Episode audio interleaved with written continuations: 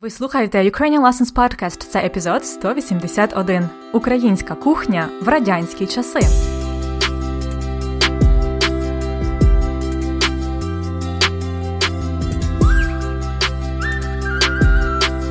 Привіт усім! Це Анна Огойко, і ви слухаєте подкаст Уроки української. Подкаст для всіх, хто вивчає і любить українську мову. Сьогодні ми будемо далі говорити про їжу та гастрономію. Ммм, ням-ням, правда?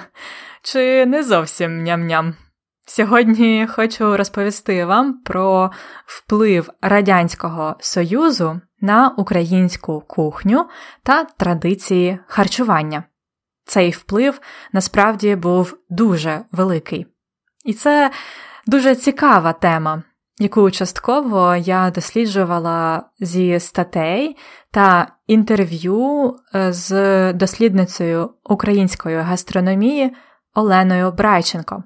Але також я просто згадувала, що мені розповідали мої батьки, які виросли в Радянському Союзі, моя бабуся, а також свій досвід з дитинства, з 90-х бо тоді багато що ще було досить схоже на Радянський Союз. Отже, почнімо.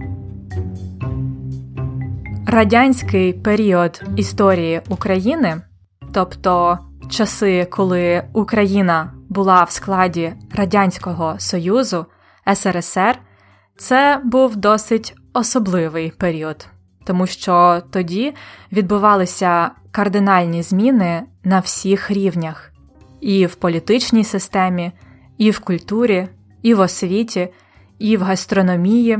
Можна сказати, що у 20-30-х роках ХХ століття на початку існування СРСР усе перевернулося з ніг на голову. Тобто все дуже змінилось. При цьому ці зміни відбувалися не просто так, не природньо, а штучно за вказівками влади. Тобто люди вгорі, політики вирішували, як краще буде жити всім людям в СРСР. І вони запроваджували ці зміни на різних рівнях. Основна радянська ідея полягала в тому, щоб зрівняти людей, зробити всіх рівними і створити один єдиний народ, радянський народ. Замість е, українців, грузинів, кримських татар, росіян, зробити з них один радянський народ. Тому щодо їжі намагались запровадити універсальність, уніфікованість, так, щоб всюди в Радянському Союзі, а це 15 республік, майже всі страви були однаковими. Для цього спеціальні команди кухарів створювали нові рецепти, нові страви на основі продуктів, які були доступні в Радянському Союзі. А продуктів було не дуже багато, невеликий вибір. Ці страви потім видавали в кулінарних книгах, журналах і поширювали серед населення. При цьому Їжа мала бути тим, що не має приносити задоволення, насолоду. Ні. Їжа це була необхідність. Крім того, їжу використовували як ще один спосіб упокорювати людей, тобто тримати людей під контролем і в страху. Один з прикладів це такі собі картки або талони. Людям видавали на роботі, наприклад, спеціальні карточки, шматочки паперу, на яких було написано, на який продукт можна цю картку обміняти. А у 80-х були талони. Вони давали право купити якийсь дефіцитний продукт. Наприклад, щоб купити цукор, треба було не тільки заплатити гроші, а й дати талон. А ще були такі довгі радянські черги. Про них вам може будь-хто розказати, хто жив в Радянському Союзі. Коли привозили товар чи свіжі продукти в магазин, люди утворювали довжелезні черги і стояли в них годинами. Ну, принаймні, мені так розповідали. Також були елітні категорії людей, які могли дістати кращі продукти швидше, без черги. Казали ще по блату. Це означає, що людина має трошки елітніший статус в суспільстві, і ця людина має кращу посаду, наприклад, і може дістати кращі продукти без черги. Все це було частиною радянської планової економіки. Тобто в Радянському Союзі виробляли і продавали все за певним планом, а не за попитом, не з метою прибутку. І тому дуже часто був дефіцит на продукти, бо цей план був не дуже вдалий. Окремо варто згадати про голодомор. Їх було кілька, але найстрашніший у 1933 році в Україні. Голодомор це коли людей морили голодом, голодомор. У людей забирали їжу, і багато людей помирали з голоду. Тоді в Україні померло понад 6 мільйонів людей. Це страшний геноцид українського народу. Ця подія не могла не змінити ставлення українців до їжі. І не лише тих українців, які пережили голодомор, а й сучасні покоління українців, е, у яких бабусі, дідусі страждали від голоду. Це повпливало на нас так, що ми бережемо їжу, особливо хліб, і майже ніколи не викидаємо продукти. І це була ще одна причина сприймати їжу не як задоволення, а як просто потребу для виживання. А зараз хочу згадати декілька страв, які виникли в радянські часи, але зараз е, популярні в Україні досі. Насамперед, це різні салати. М-м, Цікаво, що ви уявляєте, коли чуєте слово салат? Це, можливо, зелене листя, салат латук, можливо, рукула чи помідори, оливкова олія. Ну, це в мене зараз таке уявлення про салат. Але раніше, в 90-х, а також в радянські часи, салат це майже завжди була страва з майонезом і переважно на основі варених овочів, наприклад, картоплі. Салати часто були з м'ясом, ковбасою чи рибою, наприклад, консервами. Королем радянських салатів можна впевнено назвати олів'є. Хоча назва олів'є не дуже звучить як українська чи російська, правда? Цей салат олів'є виник ще в 19 столітті на основі французької кухні, але тоді він був зовсім інший, ніж зараз. Він був без майонезу. Майонез почали виготовляти в 30-х роках ХХ століття, тобто на початку існування Радянського Союзу. Так само тоді почали виготовляти варену ковбасу, її ще називають лікарська ковбаса або російською варьонка. Тоді і виникла сучасна версія олів'є: це варена картопля, варена ковбаса або курка, варені яйця, зелений горошок, огірочок і, звичайно, майонез. Крім олів'є, було дуже багато інших салатів з майонезом, наприклад, шуба або оселедець під шубою. Чули такий салат? Це оселедець, така солена риба, варений буряк, картопля, і це все під майонезом. Цей салат такий темно-червоний виходить. Може, ви його бачили чи куштували. Насправді, ці два салати, шубу та олів'є, я насправді люблю, але їх я їм досить рідко, переважно тільки на Новий рік. Це така традиція новорічна. Але дуже багато салатів з майонезом з радянських часів мені не дуже подобаються, бо вони занадто дивні. Наприклад, салат з крабовими паличками.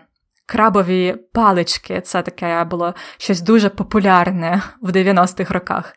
Діти дуже їх люблять. Також салат з куркою і ананасами. Мені таке поєднання не до смаку. Ще був салат мімоза з вареними яйцями і рибними консервами. Теж не дуже. А ще саме в радянські часи створили дві страви, які стали візитівками Києва. Це котлета по-київськи і київський торт. Чули про них? Котлета по-київськи це куряче філе з маслом всередині, а київський торт це дуже солодкий торт на основі білків з горішками. Ці дві страви українці не готують вдома. Е, котлету по-київськи зазвичай їдять в ресторані, а київський торт купують в магазині Рошен. І рецепт цього торта це таємниця фабрики, на якій його виробляють. Якщо київський торт і котлета по-київськи це досить такі святкові страви, непрості, то більшість страв в Радянському Союзі були набагато простіші. Зазвичай вони складалися буквально з кількох інгредієнтів. Наприклад, макарони по-флотськи. Це макарони з м'ясним фаршем. Вони не настільки смачні, як болоньєзе, набагато простіші. Такий е, радянський варіант болоньєзе. Також пам'ятаю, як в шкільній їдальні в 90-х е, нам давали часто на обід картопляне пюре і сосиску, або кашу і котлету. І так, е, це було меню майже кожного дня таке. Картопля була ще нічого, а от каші були зовсім не смачні. Взагалі, я народилась на початку 90-х, і в мене дуже багато спогадів з дитинства саме про ось ці радянські страви: це олів'є, шуба, крабові палички. 90-ті і навіть початок 2000-х це був перехідний період української кухні з великою перевагою саме радянських страв. Але вже зараз у 2021 році, на мою думку, українські харчові звички та кухня активно змінюються, особливо серед молоді, але не лише. Наприклад, мої батьки стали харчуватися набагато краще і різноманітніше, ніж в Радянському Союзі. Зараз вони цікавляться здоровим харчуванням, і тепер для них салат це не майонез, а оливкова олія. Раніше на сніданок ми завжди їли багато картоплі, бо це єдине, чого в нас було багато. Ми самі вирощували картоплю. А зараз ми їмо різні страви, інколи мюслі, гранолу, здорові каші, фрукти, яєчні. Так само кардинально змінилась ресторанна культура, особливо у великих містах. Але про це я розповім вам вже наступного разу про сучасні гастрономічні тенденції. Добре?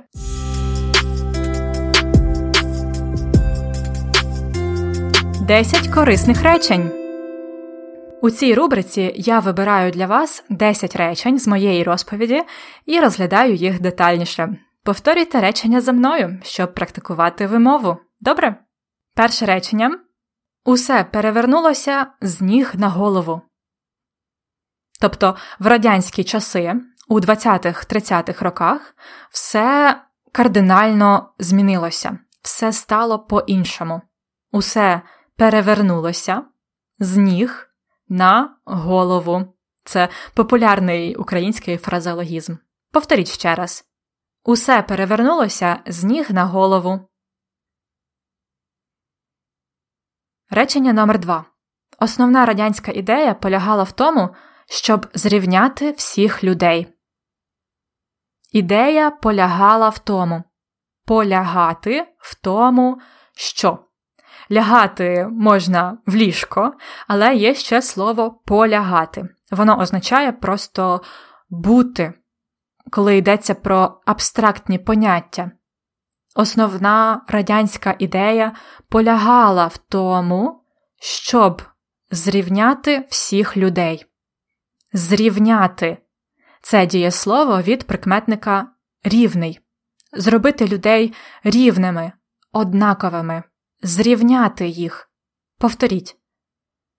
Основна радянська ідея полягала в тому, щоб зрівняти всіх людей.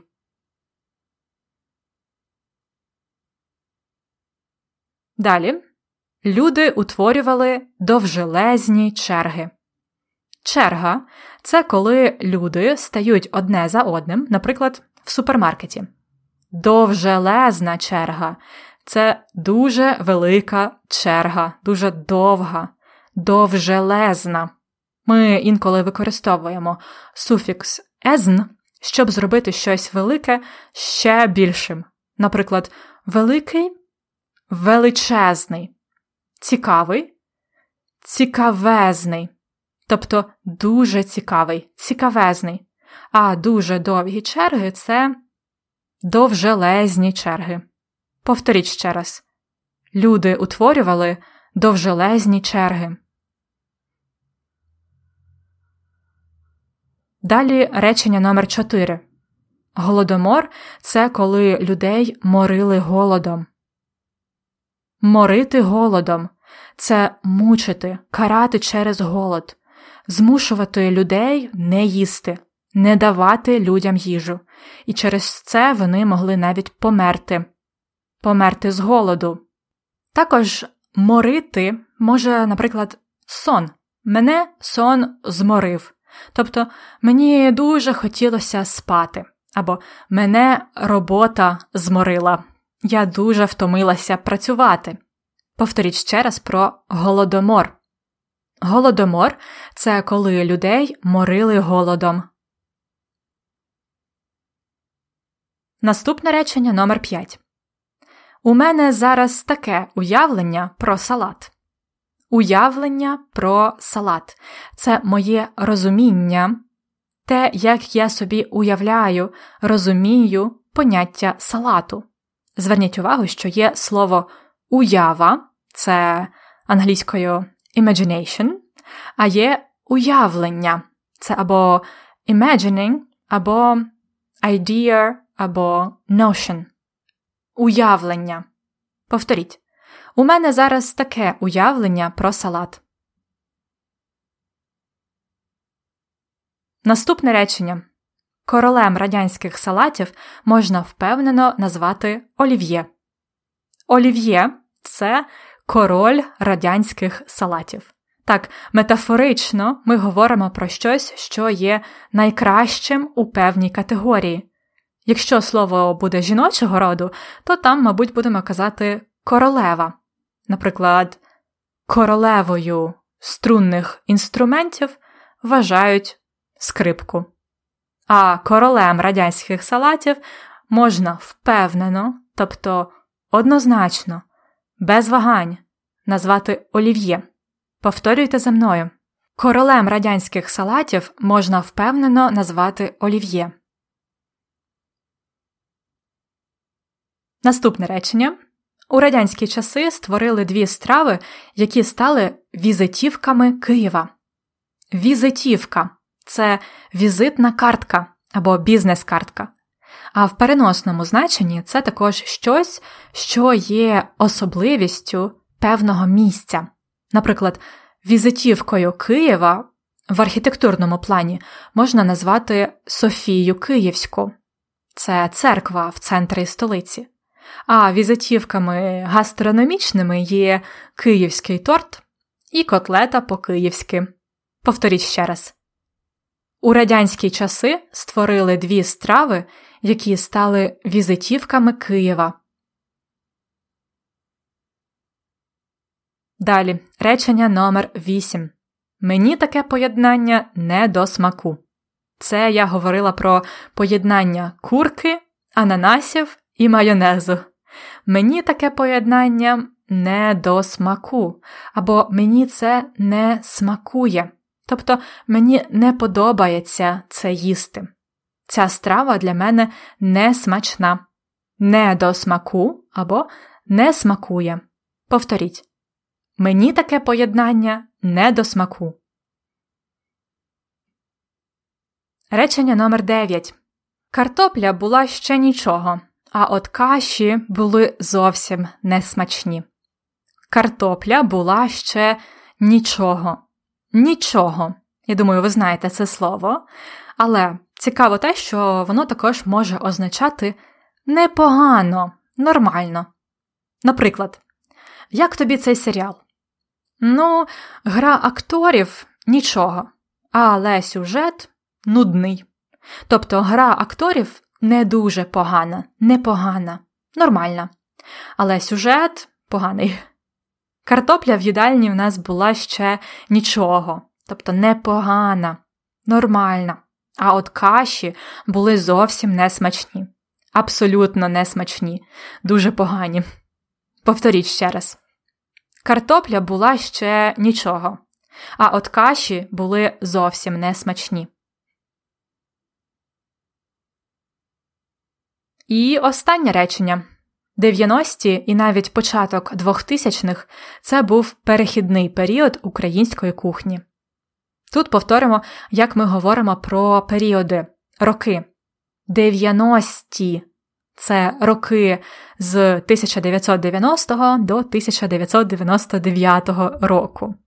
Так само 80-ті, 70-ті, 60-ті, 20-ті і так далі.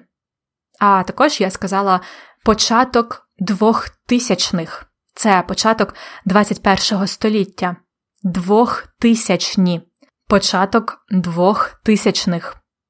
90-ті і навіть початок 2000-х – це був перехідний період, тобто період, коли одна культура переходила в іншу, період, коли відбувалися зміни, перехідний період. Повторіть. 90-ті і навіть початок 2000-х – це був перехідний період української кухні. І це все на сьогодні. Наступного разу запрошую вас дізнатися більше про сучасні тенденції в українській кухні та гастрономії. Це має бути щось цікаве. А також не забувайте, що транскрипт усього, що я кажу, а також переклад складних слів, списки речень і вправи для практики ви знайдете в конспекті уроку. Більше про преміум підписку на конспекти та картки ви можете дізнатися за посиланням ukrainianlessons.com риска епізод 181 ukrainianlessons.com episode 181 Смачного вам сьогодні і гарного дня! На все добре!